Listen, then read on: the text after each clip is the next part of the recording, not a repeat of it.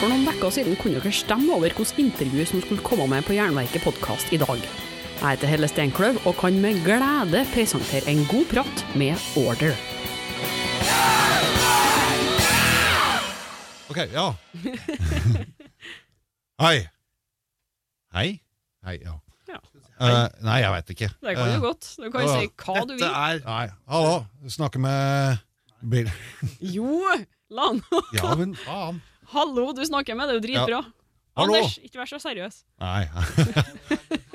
ja, nei, nei, det er Billy Messiah fra Order. Eh, du hører på Jernverket på Radio Rock. Det er ikke verre enn det, vet du. Men før vi kjører intervju, har jeg en beskjed til. For at Jernverket skal overleve som podkast, trengs det midler, så jeg har vært frekk nok til å opprette ei Patrion-side og en Vipps-konto. Om du vil bidra med noen slanter for å holde Jernverket flytende, hadde jeg satt stor pris på det. Du kan bidra månedlig via Jernverkesida på patrion.com jernverket, eller gi en enkeltsum via VIPS nummer 567438. Beløpet er sjølsagt valgfritt. All informasjon står nederst i episodebeskrivelser, med ei lenke som fører deg rett til kassen. Igjen, tusen takk for alle bidragene så langt, jeg klarer ikke dette uten deg.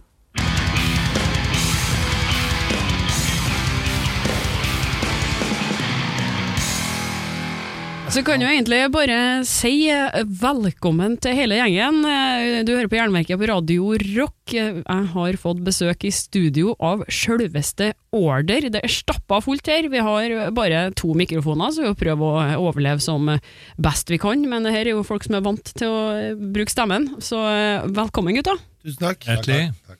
Kanskje vi skal ta en liten runde på hvem det er vi har her. Vi kan jo begynne med Manheim her. Ja, det er Manheim, eh, trommis i Order. Ja, og så er det Billy Messiah, vokalist i Order. Og Stu bass. Og Anders Odden på gitar. Order. Yeah, og nå er det konsert eh, i Oslo i morgen. Mm.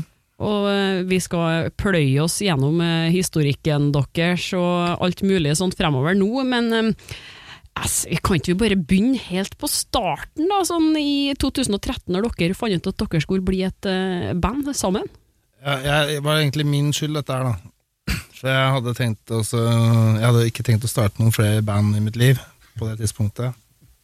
Og så plutselig tenkte jeg jeg må ha et uh, death metal-band jeg kan dø med.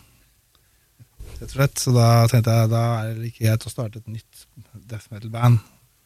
Eh, I 2013 så da ringte jeg rundt til de som var eldre enn meg, da, så jeg slapp å være han som dør først. Det var liksom ideen, så da fant jeg ut at uh, Manheim fremdeles spilte trommer. Og Billy fremdeles sang. Og så Den gangen så hadde vi René, som var fra gamle Kadaver, som jeg spilte med for 25, nei, over 25 år siden. um, som ble med på bass originalt. Så hadde vi et par øvinger hvor vi spilte noen gamle låter og litt coverlåter. og Så ble det veldig morsomt veldig tidlig, så vi begynte å lage egen musikk. Og så balla det på seg, rett og slett. Så ble det sånn bandstarter flest, at man bare fortsetter å lage musikk og finne på rare ting og konsepter. Og kan sikkert fortelle litt mer det andre her om hvordan det ble etter hvert. Mhm. Ja, For det er jo ikke akkurat uh, ferskinga i musikkbransjen her. Her eh, snakker vi et eh, godt blad med norsk metal-historie, egentlig.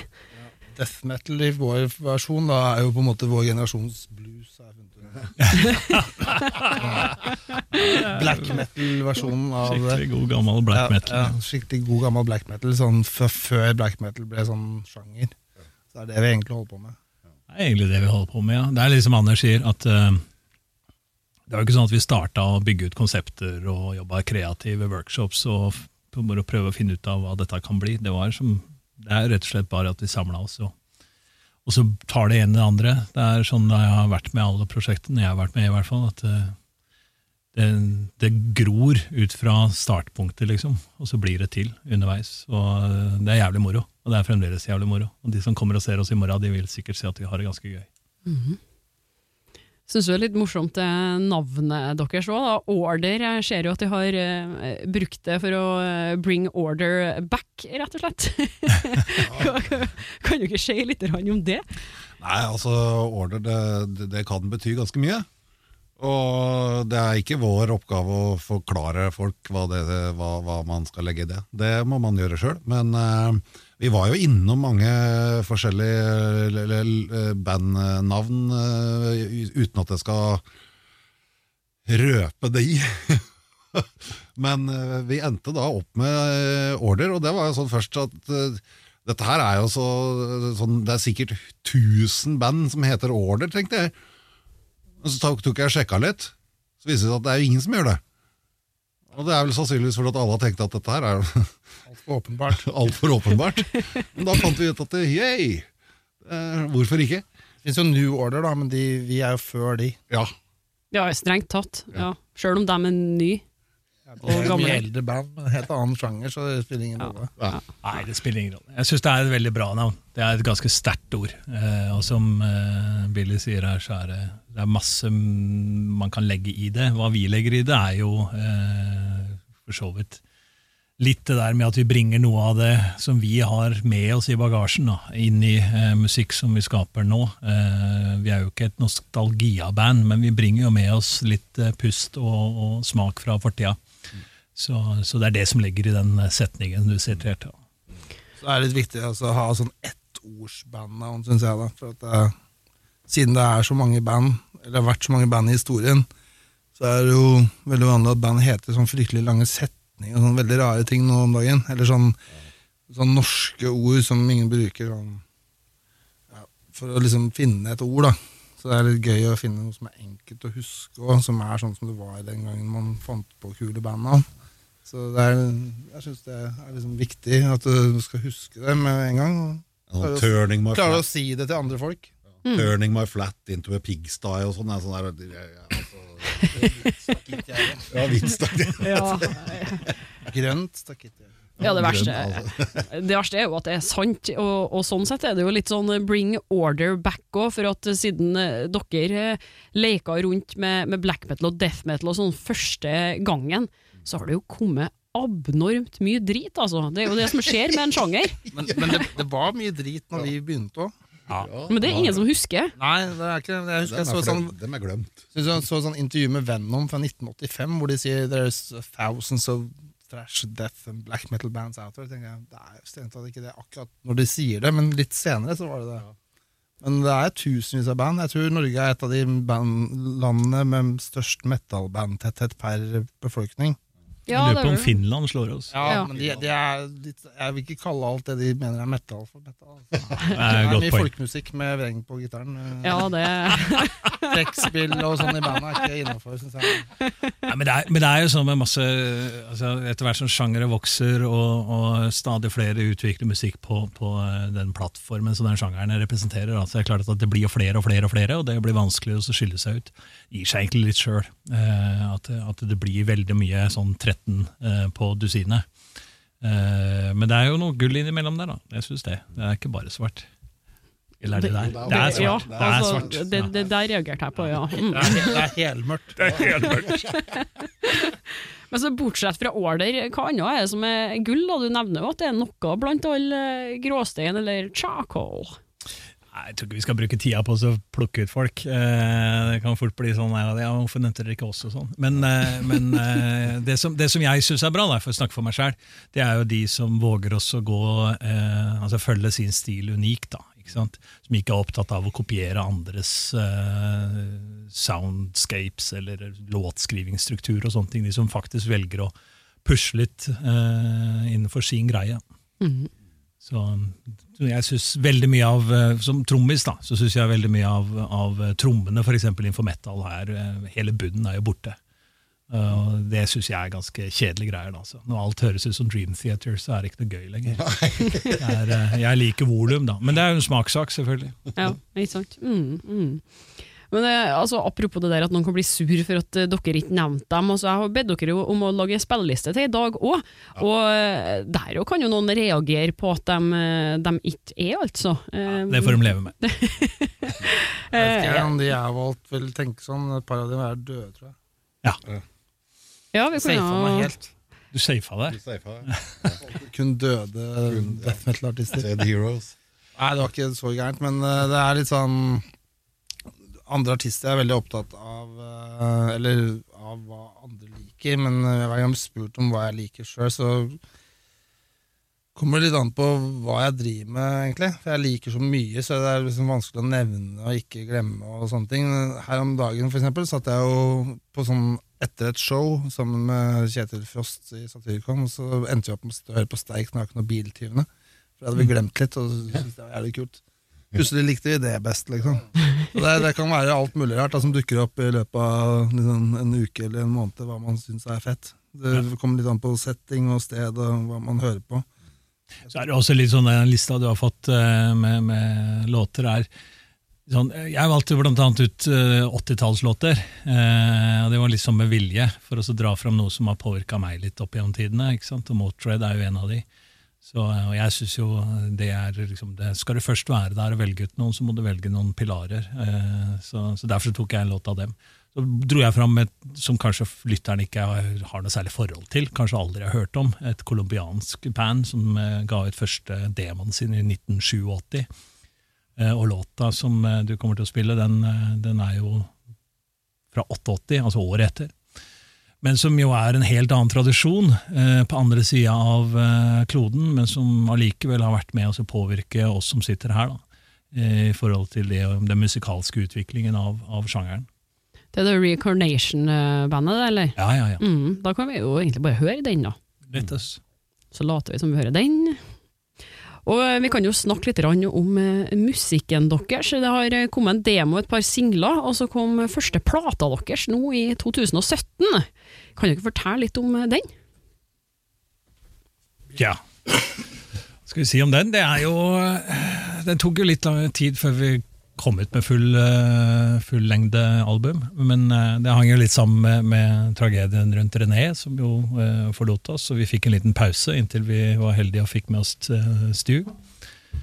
Så vi eh, hadde en litt opphold der, men, eh, men eh, så har vi jobba ganske intenst med å få ferdig stilen og strukturen i hvordan vi ønsker å ha et uttrykk. Så, så dette er jo første leveransen vår på det. Vi har brukt mye tid på en, nesten alle låtene. Litt, litt utover det vanlige. Det er kanskje én låt som vi skal spille i dag, som vi brukte kortest tid på. Men, men ellers er det brukt mye tid på hver enkelt låt. Jeg er ganske stolt av um, skiva, egentlig. Jeg syns den er blitt uh, utrolig bra. Uh, Det virker som om folk også er ganske happy med den. Man må bare bryte inn. eh, For du nevnte tragedien med René, men det har vi ikke snakka om ennå. Nei, det syns jeg nesten at vi må, må gå litt dypere inn på, for dere uh, starta jo med fire stykker der René var en del av, eh, av gjengen. Ja, det var sånn En av tankene vi starta bandet, at ikke bare tankene, det var liksom konseptet var at det var to, jeg og René fra Gamle Kadaver, første eh, lineupen, og Manheim og Billy fra første Mayhem-lineupen. Så vi på en måte merga det første Kadaver og første Mayhem sammen til et nytt band. Og så lagde vi jo Vi spilte faktisk Kadaver og Mayhem-låter på øvinger, så, så fant vi plutselig en sånn helt egen vei da, på egne låter, så vi lagde Drakk vel å lage to egne låter før vi skulle holde den første konserten vår noensinne, Det var eh, sommeren 2014. I forbindelse med en utstilling på norske metallbilder eh, i Polen, faktisk. Så vi var på en måte innleid som eh, norsk metallband til en utstilling, en kunstutstilling. Og spilte i Polen. Og da hadde vi tenkt å bare gi gass og fortsette å lage den plata vår, da. Men eh, så fikk eh, René diagnose blodkreft i september samme året, og så gikk han bort i desember. Det gikk veldig fort, så det siste vi gjorde det året, var faktisk å spille i begravelsen. Mm. Eh, Og da også vi fant ut at vi hadde noe som vi ikke ville slippe helt også, og fortsatte, da. Eh, Og tenkte liksom vi gir oss bare litt tid, og så fortsetter vi å finne ut av det. Eh, For vi syntes vi hadde et kult konsept og nye, eller kule ting på gang, og det heldigvis så gjorde vi det. Mikrofonen, prøv å vende Ja. litt mot deg. Sånn. Eh, ja, den eh, detter ut litt, sjø. Sorry. det ut litt, ja. Ja. Jo, nei, øh, vi øh, bestemte oss for å fortsette, og mm, det gikk vel over et halvt år før vi jeg kom på at uh, Stu var bandløs og gammel metallfan, men egentlig aldri hadde fått spilt metallband, så kan du fortelle sjøl åssen du tenkte var Jeg lurte på om du ville være med i metallband? For du ramla inn fra Glusi du? du. Det stemmer. Eh, Det var egentlig jævlig morsomt, for jeg var på vei til, eh, til Liseberg med familien og sa til kona at eh, nå skal jeg slutte å spille. Nå skal jeg sette alt stæsjet mitt på, på lager, og så skal jeg gi meg. Så ta den litt nærmere sånn. Og da Da kom jeg til Göteborg, var på Liseberg. Da ringer Anders. Lurer på om jeg er på å spille metal. Da, det var dagen etterpå, så jeg var liksom pensjonert en dag.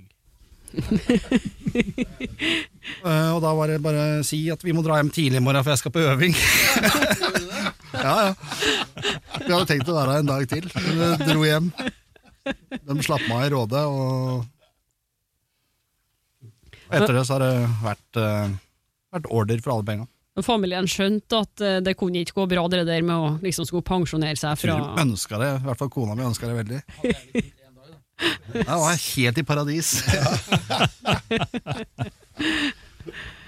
Ja, for det bryter jo litt med den der eh, komma fra eh, gode gamle death metal-scenen. Eh, For her snakker vi jo Scandirock-bakgrunn. Sånn egentlig, hvorfor endte du opp med å Egentlig, egentlig powerpop-bakgrunn og punk.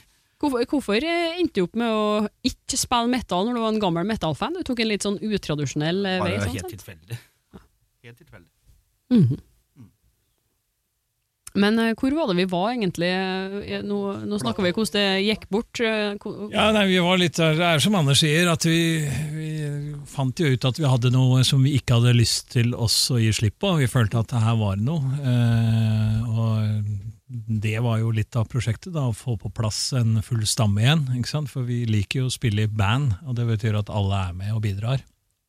Så så, så fort vi hadde det på plass, og så Stu blei med, så begynte vi også å jobbe mye mer effektivt med, med låtskriving. Eh, og jobba da oss gjennom det, og eh, var klar til Ja, faktisk. Ja. Mikrofon, Anders. Ja, Vi må si at eh, vi har eh, Vi gjorde på gamlemåten at vi bare begynte å spille gigs uten å ha gitt ut noe, sånn som man gjorde når man brydde seg om musikken og ikke tenkte liksom på konsekvenser.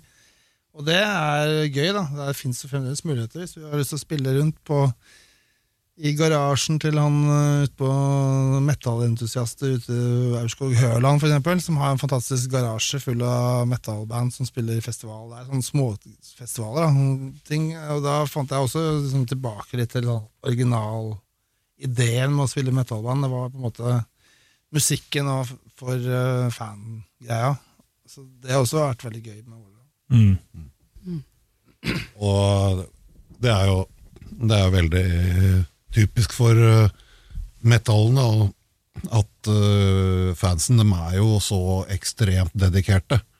Det er jo uh, altså dem går jo altså Det spiller jo ikke noen rolle hva det betyr for uh, resten av livet, liksom, så lenge de kan få lov å leve i den uh, metallverdenen og dra på de konsertene med de banda de liker. Jeg, jeg sjøl har jo en lang, lang, lang øh, årrekke med innafor punken. Øh, etter at jeg kutta ut Mayhem i 86, så jeg driver med, punk fram til eh, 2013.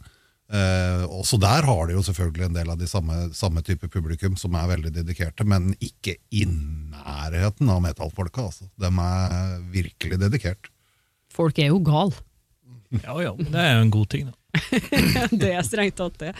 Men det er jo det som er fett med metallen, er at den på en måte forener alle som liker det, uansett hvor de er og hva slags alder. Og det er liksom blitt sånn, sånn gjennomført undergrunnskultur som på en måte bare holder på, uavhengig av alt som skjer.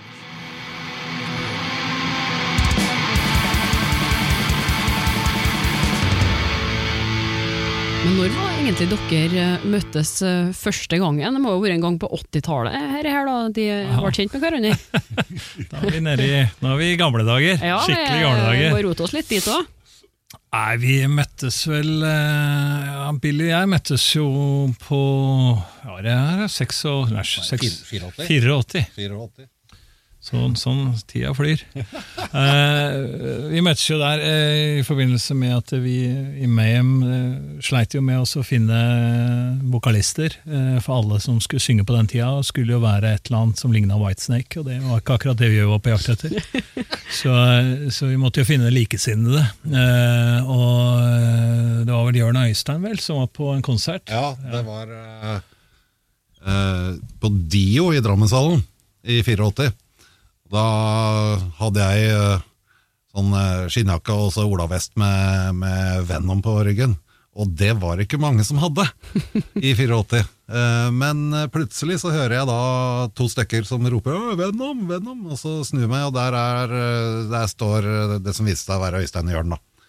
Altså Euronymous og Necrobutcher.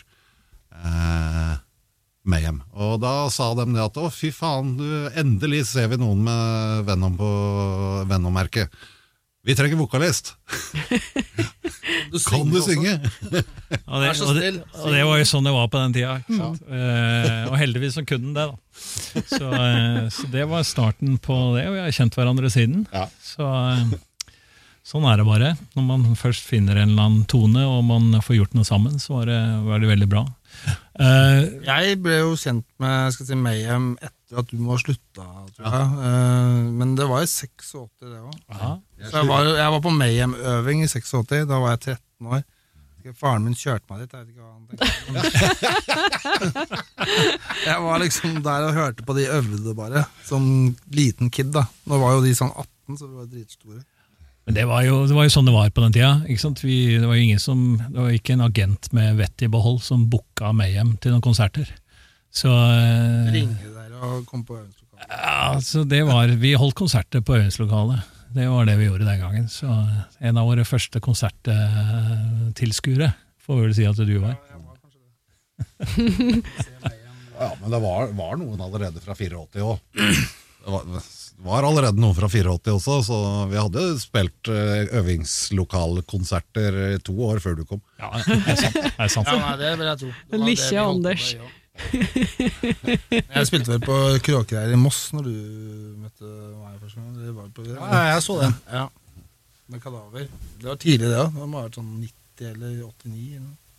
89. Nei, jeg er ikke sikker Vi har kjent hverandre lenge, i hvert fall. Det er greia. Så vi, det er morsomt også å kunne lage musikk eh, igjen sammen, nå med Billy, men, men også sammen med alle sammen her nå. Det er en sånn trygghet som egentlig ligger i eh, fundamentet, som gjør at vi går jo bare i gang. Og så, ja. Hvordan jobber dere med låtene da, når dere skal få skrevet dem ut og få dem ferdig? Det, det som er med sånn kreativitet- Mikrofonen, Det som er med kreativitet, er at det er egentlig bare å gjøre det. Du må bare gjøre det nok. Mm. Eller ha nok tid til å si, bli fornøyd med det du gjør. Og det har man strengt tatt ikke, da. Så man må bare gønne på. Det som er fint i dagens verden kontra det når vi holdt på i gamle dager, var jo at jeg ta, kan ta opp alt. Eh, strengt tatt så må man ikke ta opp absolutt alt, men hvis man driver med ting som er sånn nye ting som man skal huske, tar vi opp. Så det er jo et bra virkemiddel. da. At man rett og slett eh, tar opp og hører på det man gjør, og så endrer man til neste gang man møtes. I, vi lagde jo så- såkalt rehearsal tapes i gamle dager òg, men uh, det er veldig vanskelig å høre hva som foregår. Jeg husker jeg liksom, tok opp bandet sånn på kassettspiller, og så tenkte jeg Kommer det neste øving, så hva, er det vi holdt på med her, egentlig? Så, det er cirka sånn her. Det var veldig mye mer diffust da, å huske hva man drev med. Mm. Ja, så Egentlig sitter vi egentlig bare og jammer, da. Det er jo det som Anders sier nå. Vi jammer og prøver oss på med forskjellige rytmestrukturer, riffstrukturer. og Så dukker det opp noen temaer, og de temaene jobber vi videre med. Noen temaer overlever, andre overlever ikke. Eh, Noen temaer starter med å være hovedbasen i en låt og ender opp med å bli en overgang osv. Så, videre. så det er jo det er vanskelig å beskrive hvordan det er, men det er ikke på powerpoint og whiteboards. Det er, eh, Nei, det er det ikke. Powerpoint, faktisk. Og, så er det jo også sånn som det, det som jeg er veldig, liker veldig med dette her, er at eh, det, det er noe vi i fellesskap jobber fram. At det ikke er noe At det er, det er ikke én som sitter og lager ting, og så skal vi andre være med på det. det vi, vi jobber det fram i fellesskap. Nå har det seg sånn at jeg bor på Lillehammer, og resten bor uh, i Oslo-området. Så jeg har jo uansett ikke muligheten til å reise på øving så ofte som disse andre, men da har man jo den fine dropboxen. De, dem sender jo dem da til meg eh, riff og komp, og så kan jeg sitte hjemme eksempel, og skrive tekster og, og lage vokal. Men det er klart at jeg må jo innom stadig vekk på øving, jeg også, og så tester ut. Og da får jeg klar, straks klar beskjed hvis det ikke funker.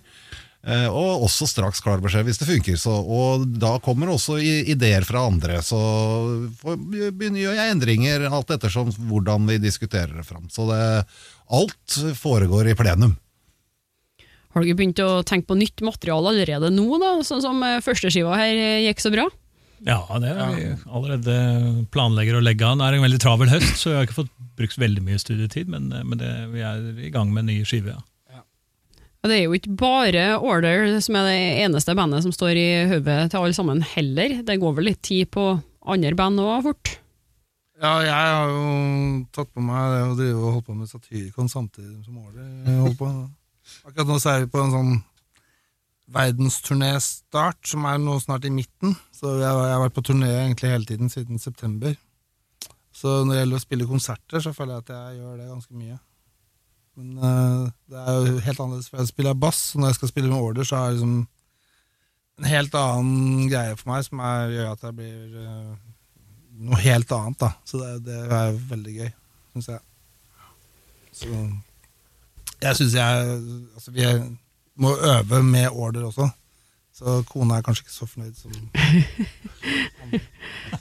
De syns Det er bare bandøving eller konsert eller turné hver dag hele høsten. Det er liksom ikke like artig å sitte på bandrommet til typen eh, lenger nå, nei, kanskje? Jeg tror ikke det knapt nok å være på konserten.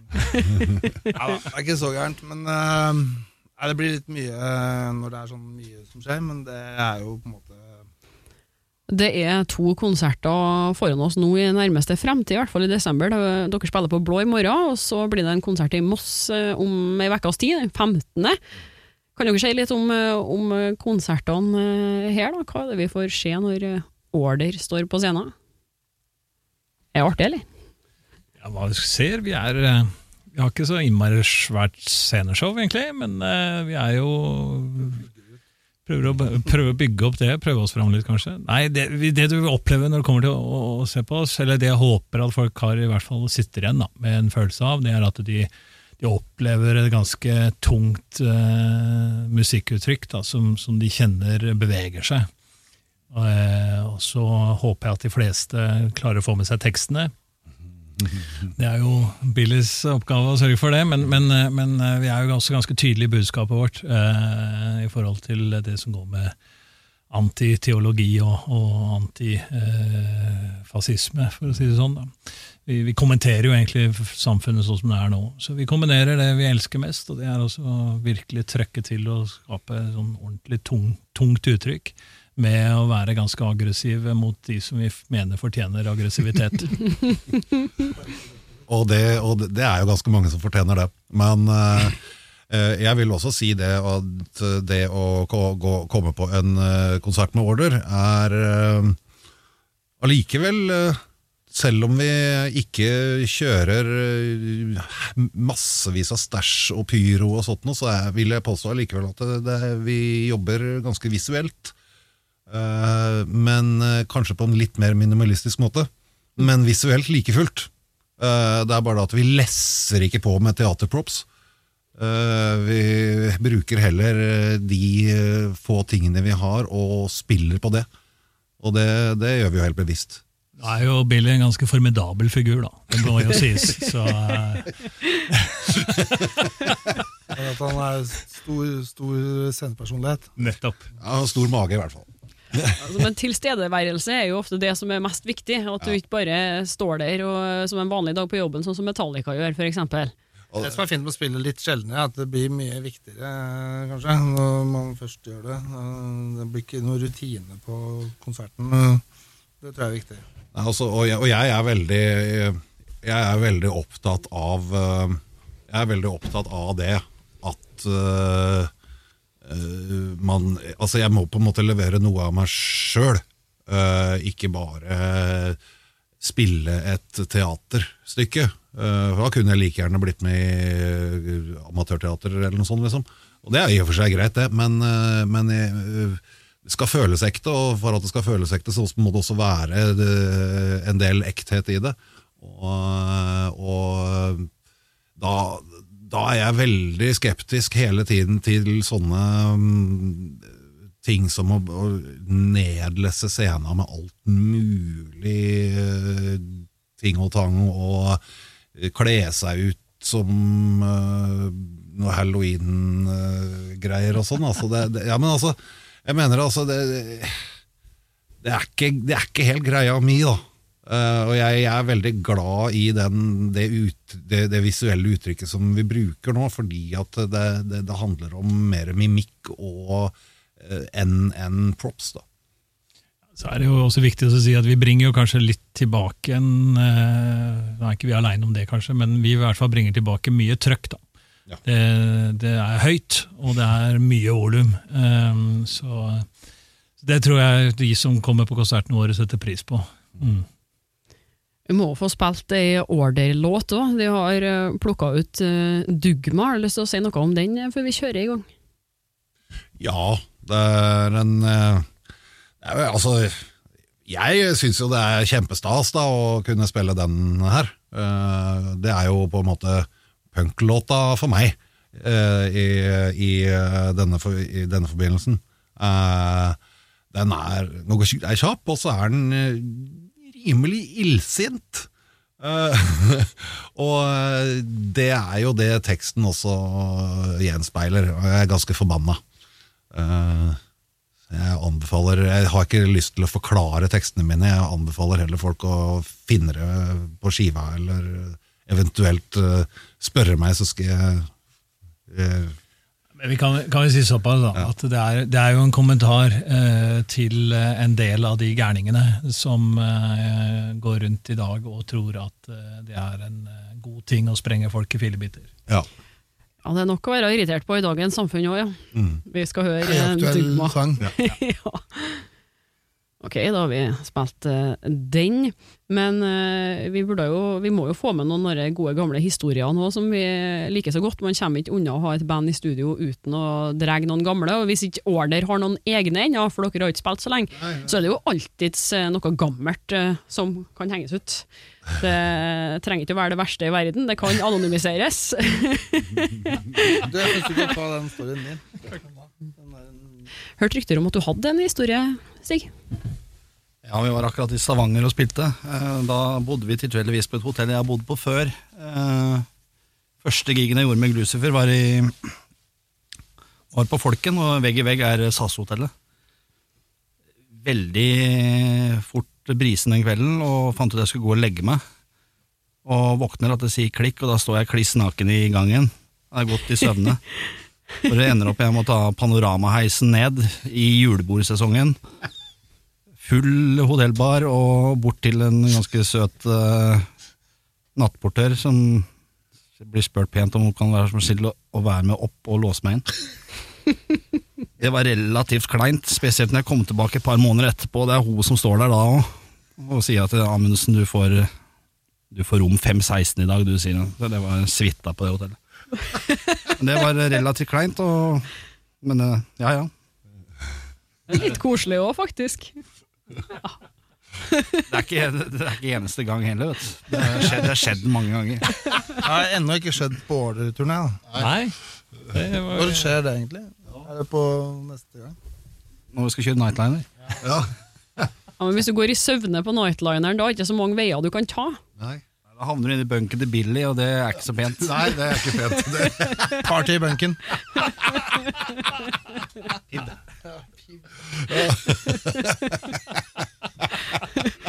Høres ut som den orderturneren eh, røyk nå. Ja, altså, Det å tørre å dra på turné er jo en egen eget prosjekt. det. Ja, blir det noe turné på dere, tror Jeg vet ikke om vi tør det. Vi hører åssen det går da. vi får se åssen det går. Jeg har lyst til å turnere sånne steder som f.eks. Colombia. Altså, jeg har funnet ut at vi bør dra på turné. Og Der er det jo fort gjort at det blir historier. Ja. Jeg var nettopp der. Jeg kan ikke fortelle, det er litt for nært. Kan, fortelle, kan du ikke fortelle noen gamle søramerikanske historier? Ja, da? det er det, vet du. Hvor er før. Han var der i juni, kanskje han kan fortelle det. Ja, det er litt lenger siden. Ja, det er Ja. lenger Det, var, det er faktisk ikke så rock'n'roll, det, altså. Så der må jeg skuffe lytterne. Men, eh, men eh, det er klart at det er, eh, Det er et ganske kult område for, for metal, ikke minst norsk metal. Eh, Sør-Amerika. Eh, du kan si det at eh, Hele Latin-Amerika, faktisk. Ja, det er, eh, det er ganske intenst publikum, og de har jo sin egen tradisjon. Det er det som er litt kult. da. Det er ikke sånn at de importerer metallen, de har sin egen metal. Så, så det å dra dit tror vi kan være morsomt, så det, det skal vi prøve å få til.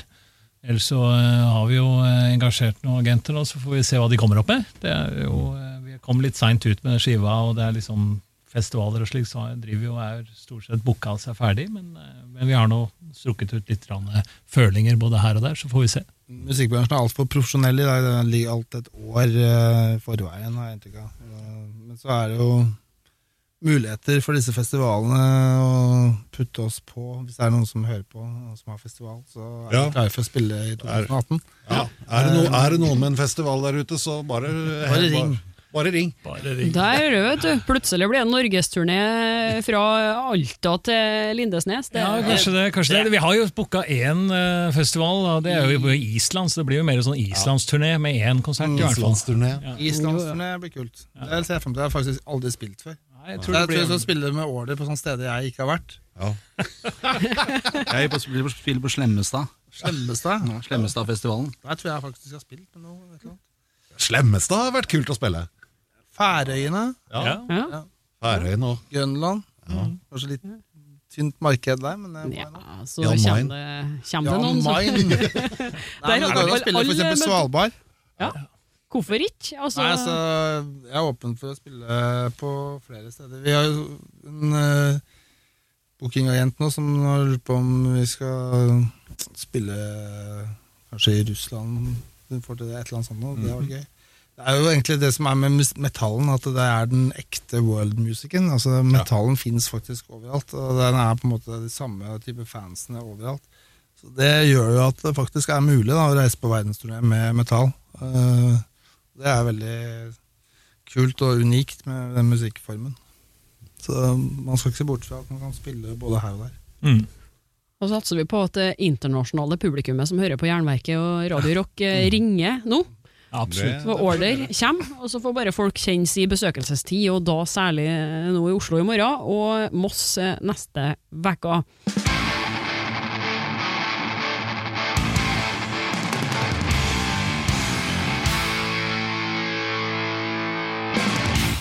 Vi var direkte med Mayhem en gang. Det tror jeg faktisk var, var Radio 1 her.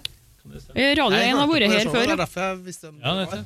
Det var livesending. Det angra de litt på. Ja, det kan jeg Skal jeg, ta den radio, jeg kan ta den radiohistorien fra, fra lytterperspektiv. Han kan ta det fra. Ja, men du kan jo bare fortelle altså, så legger jeg det inn. Ja, nei, altså I 1986 så var det vel Frode Øyen som hadde et heavy-program klokka tolv på natta. begynte programmet, for Når nærradioen var på en måte internett i, på 80-tallet. Det var liksom fritt fram. Og Den gangen så husker jeg de hadde Mayhem som gjesteartister på radioshowet. Og det var ganske sånn Ja, dere snakka om band og ditten datten, så tok dere over hele showet. Eh, Det hørtes ut som de stengte han programlederen ute og liksom bare fortsatte å sende lenge etter at programmet skulle være ferdig. Da.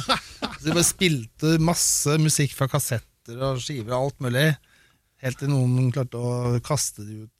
Så jeg ble sittende og høre på dette her klokka var halv tre eller noe, på sånn en onsdag. Så jeg var så trett når jeg skulle på skolen dagen etterpå. Jeg var på død. dø. Jeg- måtte få med dette her, vet du, for det var liksom den eneste gangen man hørte all den musikken på radio. Det var helt utrolig. Da Mayhem okkuperte Ja, Mayhem radiostudio. okkuperte Radio 1. Det var artigere å lage radio før, altså. Ja, det var veldig sånn uh, anarkistisk med sånn nærradio. Og da, det, jeg tror det sendte på en mye sterkere sender enn det som var lov så jeg fikk det inn nede i Østfold. da. Ja, det Så det var liksom, alt var bare wow. Og, og da hadde de sånne mystiske kunstnere. Manheim, han heter fra det på ordentlig, visste jo ikke vi, men Euronymous og Necrobutcher og liksom. Men så tror jeg det var broren til Øystein som klarte å ringe inn, eller et eller annet, sånn, og så sa Stemmer hva han het. Stemmer Og det. sånn, bro, ja, broren eh, sånn, Ja, det er jo Aarseth, da. Og Sånn, faen, og sa han hva han het. Det var liksom ikke helt gjennomproft. Så Det var ikke så gjennomtenkt, det greiene der. Gjennomtenkt. Så da husker jeg sånn, tok telefonkatalogen i skiområdet og fant sånn årsett, det var ikke så mange som het. da Så jeg gikk liksom bare ringte liksom hjem til Øystein. Sånn, sånn hei, hei. Sånn, Så var jo der, da. Så det var ikke så vanskelig. Det var liksom, Internett var ikke funnet opp, men det var liksom radio og telefonkanaler. Det holdt, det. Vi fikk tak i hverandre på det. Men litt av bakgrunnen for at vi havna i det studio, det var jo det at vi hadde jo fra før av slengt ganske mye dritt på den metallsendingen. For de spilte jo bare drittmetall. Ja, Eh, og det var jo det vi hele tiden snakka om. Altså, var de så dissa de oss i sine sendinger og mente at vi bare var en gjeng med sånn drittunger som bare ikke hadde greie på det. Og det ble til slutt en, til en utfordring, og vi utfordra dem til at de ikke turte å ha oss i studio. Og så endte de jo at da måtte de invitere oss til studio. Ikke sant? Ja, ja. Så hadde de jo tapt hele greia. Så det var en pussig det øvelse, men det var gøy. Ja. Ja, da fikk mine ører til å åpne seg for helt annen musikk enn jeg hadde hørt fram til da. det er faen meg kult å høre. Ja, det er kult. Da jeg var 13 år, bare sånn wow. Liksom. Det, det er en eh, ku... Altså, sirkelen er slutt, ja. Ja. Nå, nå vet vi hvorfor Order er og ble et band. Ikke Ja, ikke sant? Det, Så var jo, miljøet var jo ganske lite og gjennomsiktig den gangen, så man fant jo ut av liksom, hvem som var de folka som var med. Mm. Men som jeg har tenkt etterpå, at uh, han eh, ene gitaristen i Enslaved, han dukka på en måte opp også som 13-åring. Han var 13 år senere enn meg, da. han var litt yngre, men han, var, på metallkonsert i Notodden som 13-åring med i 91. Jeg tenkte på etterpå, Hvordan fikk han til det? Fra, han rømte fra Haugesund og dro til Notodden for å få black metal-konsert som 13-åring. Ja. Noen må jo ha tenkt 'hvor er det han er hen?' Men det tenkte jo ikke vi på. Vi ga han øl og alt mulig. Helt bra. Men uh, der var han, liksom. Jeg tror han hadde sagt at han skulle på besøk, eller noe sånt der. Ja, han skulle på besøk til Ja. han på Notodden, og så skjenka vi en full, da. Fantastisk. Det var lettere å være 13-åring den gangen. Ja, ja, det var ikke- Ja, det var det sikkert. Ja. Det var det sikkert. Nå, det var vel eh, ikke alt vi holdt på med i ungdomstida vår som, eh, som hadde blitt forhåndsgodkjent. Da. Nei, men Det eh, du kom deg inn på konserter, da. Det, du kom deg i hvert fall inn på konserter når du var litt yngre den gangen. I dag så er det jo Ja, men konsertene var strengt. ikke på steder med servering. vet du. Folk Nei. hadde med brennevin sjøl. Ølposer, i katt og Det var eh, kaskenkorva på innlomma. Ja, det var hjem, lommelerke, og så røyka folk overalt, så man kunne røyke hva som helst inne uten at noen merka noen forskjell. Mm. Så det var litt annerledes. Det var litt annerledes.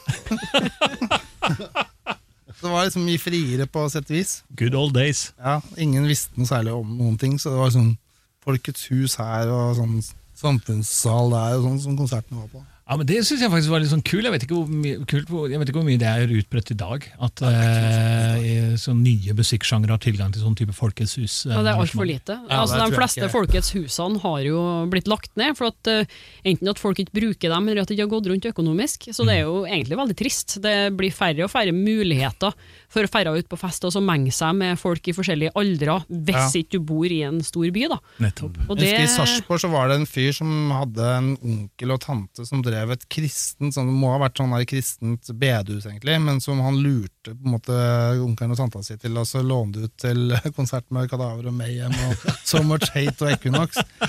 Og hvor de, han skulle liksom bare ha et lite arrangement, og de visste jo ikke hva som foregikk. Det var ikke noe servering og sånn, det var det ikke. Som jeg sa, folk hadde jo bare ølpose og inne lommelerke. Men jeg tror han onkelen kom og fikk helt sjokk når han så liksom hva slags arrangement han, nevøen hadde satt i gang. Da, Men da, var det, da var det for sent. Da var det på en måte nesten ferdig, tror jeg. Jeg tror ikke den storyen er unik. Nei, jeg tror det Nei, det er mye sånt. Feira 18-årsdagen i det lokale bedehuset sjøl, men eh, kamerat. Ja, ja. Det, det dumme var at eh, når folk begynte å ta med seg av eh, salmebøkene ut derifra og sette fyr på dem, det var vel eh, Tidlig kirkebrenning. Ja. Ja, så det var kanskje ikke så veldig hyggelig for det bedehuset å leie ut lenger til arrangement i det hele tatt. Men det skulle jo være litt ukristelig, da. ja. Vi ser den i dag, men du så ikke den da! Nei, det er godt. Det er. Herregud, det her var er jo helt ustreit og morsomt før. Ja. det var det, altså. Alt var bedre før. hva kan du si? Ja. Alt var Det var bedre enn egentlig ikke det heller, men det virker sånn Noe nå. var bedre før, og noe er bedre nå. Ja. Dårlig, dårlig ordtak. Det, er, men det er et eller annet med altså den der tida som, som vi snakker om nå for metallen i Norge, da, så var jo det en ganske sånn ensom tilværelse. Så fant man uh, likesinnede rundt omkring som, som gjorde at uh, at man for så vidt hadde en viss sånt miljøtilhørighet, da, men det var ganske, det var, ikke, det var liksom ikke i mainstream overhodet, og det fantes jo ikke noe egentlig noe lett tilgjengelige sånn, inspirasjonskilder eller sånne ting. Så det var annerledes før, tror jeg vi kan si. Og det dukka nok opp flere uttrykk og forskjellige typer bandinitiativer bare basert på det. Nå er det liksom alt veldig enkelt, lett å publisere, lett å lage. Hele verden er for dine føtter, og det påvirker selvfølgelig eh, produksjonen i en annen retning nå. Mm. For lett. Det er, for lett, det er så lett at de ikke gjør det. Det er det som er problemet. Mm. Så det er utfordringen med dagens generasjon. At eh, med kids er vel det at eh, det å være kreativ har så mange forskjellige uttrykk at de rett og slett ikke ender med å gjøre det. Mm. Eller de publiserer i forgjengelige Ja, ja. formater da, som liksom bare varer der og da. Men du trenger ikke å være kreativ, for at du kan eh, fylle opp tida di med noe hele tida, uten å gjøre en innsats for å fylle opp tida. Ja.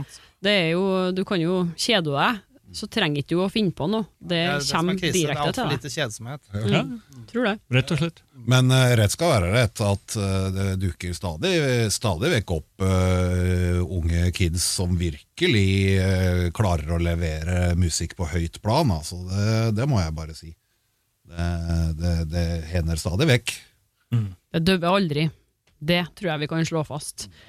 Og med det òg, så har vi nå bedre 50 minutter, så jeg blir jo sikkert nødt til å kutte en del òg, selv om ikke jeg har lyst til det. det var jævlig bra historie, den på slutten der. Du har hørt et Order-intervju innspilt i 2017. Liker du folkene, kan du f.eks. høre intervjuet med Kadaver òg. Neste uke blir det en fersk Skype-prat for å følge anbefalingene fra FHI og regjeringa, så jeg kunne ikke treffe han. Fritz Pettersen, som spiller i Attan, og ikke minst driver rockeklubben Vaterland. Så at ingen har visst noe tegn på liksom, ja ok, da var det å med å gi opp. Det, har, det har- ser jeg ikke. Det er hardt nok i hverdagen. Abonner på Jernverket podkast via podkastapp, eller gå inn på jernverket.kom. Der ligger det foreløpig 85 episoder du kan høre på, og det er kjekt å ha når smittefaren lurer bak hvert et hjørne, og du ikke har annet å gjøre lell. Del det med kompisene dine, og spre metal, ikke virus. Og vil du bidra med litt kronasj for at jeg skal kunne fortsette, kan du gi støtte via Patrion eller Vips. Det er òg kult om du slenger inn ei god anmeldelse av podden der du lytter. Og husk på å følge Jernverket på Instagram og Facebook for konkurranser, diskusjoner og musikalske tips. Navnet mitt er Helle Steinkløv. Jeg gir deg et nytt eller gammelt hardrockintervju hver fredag. Vi høres!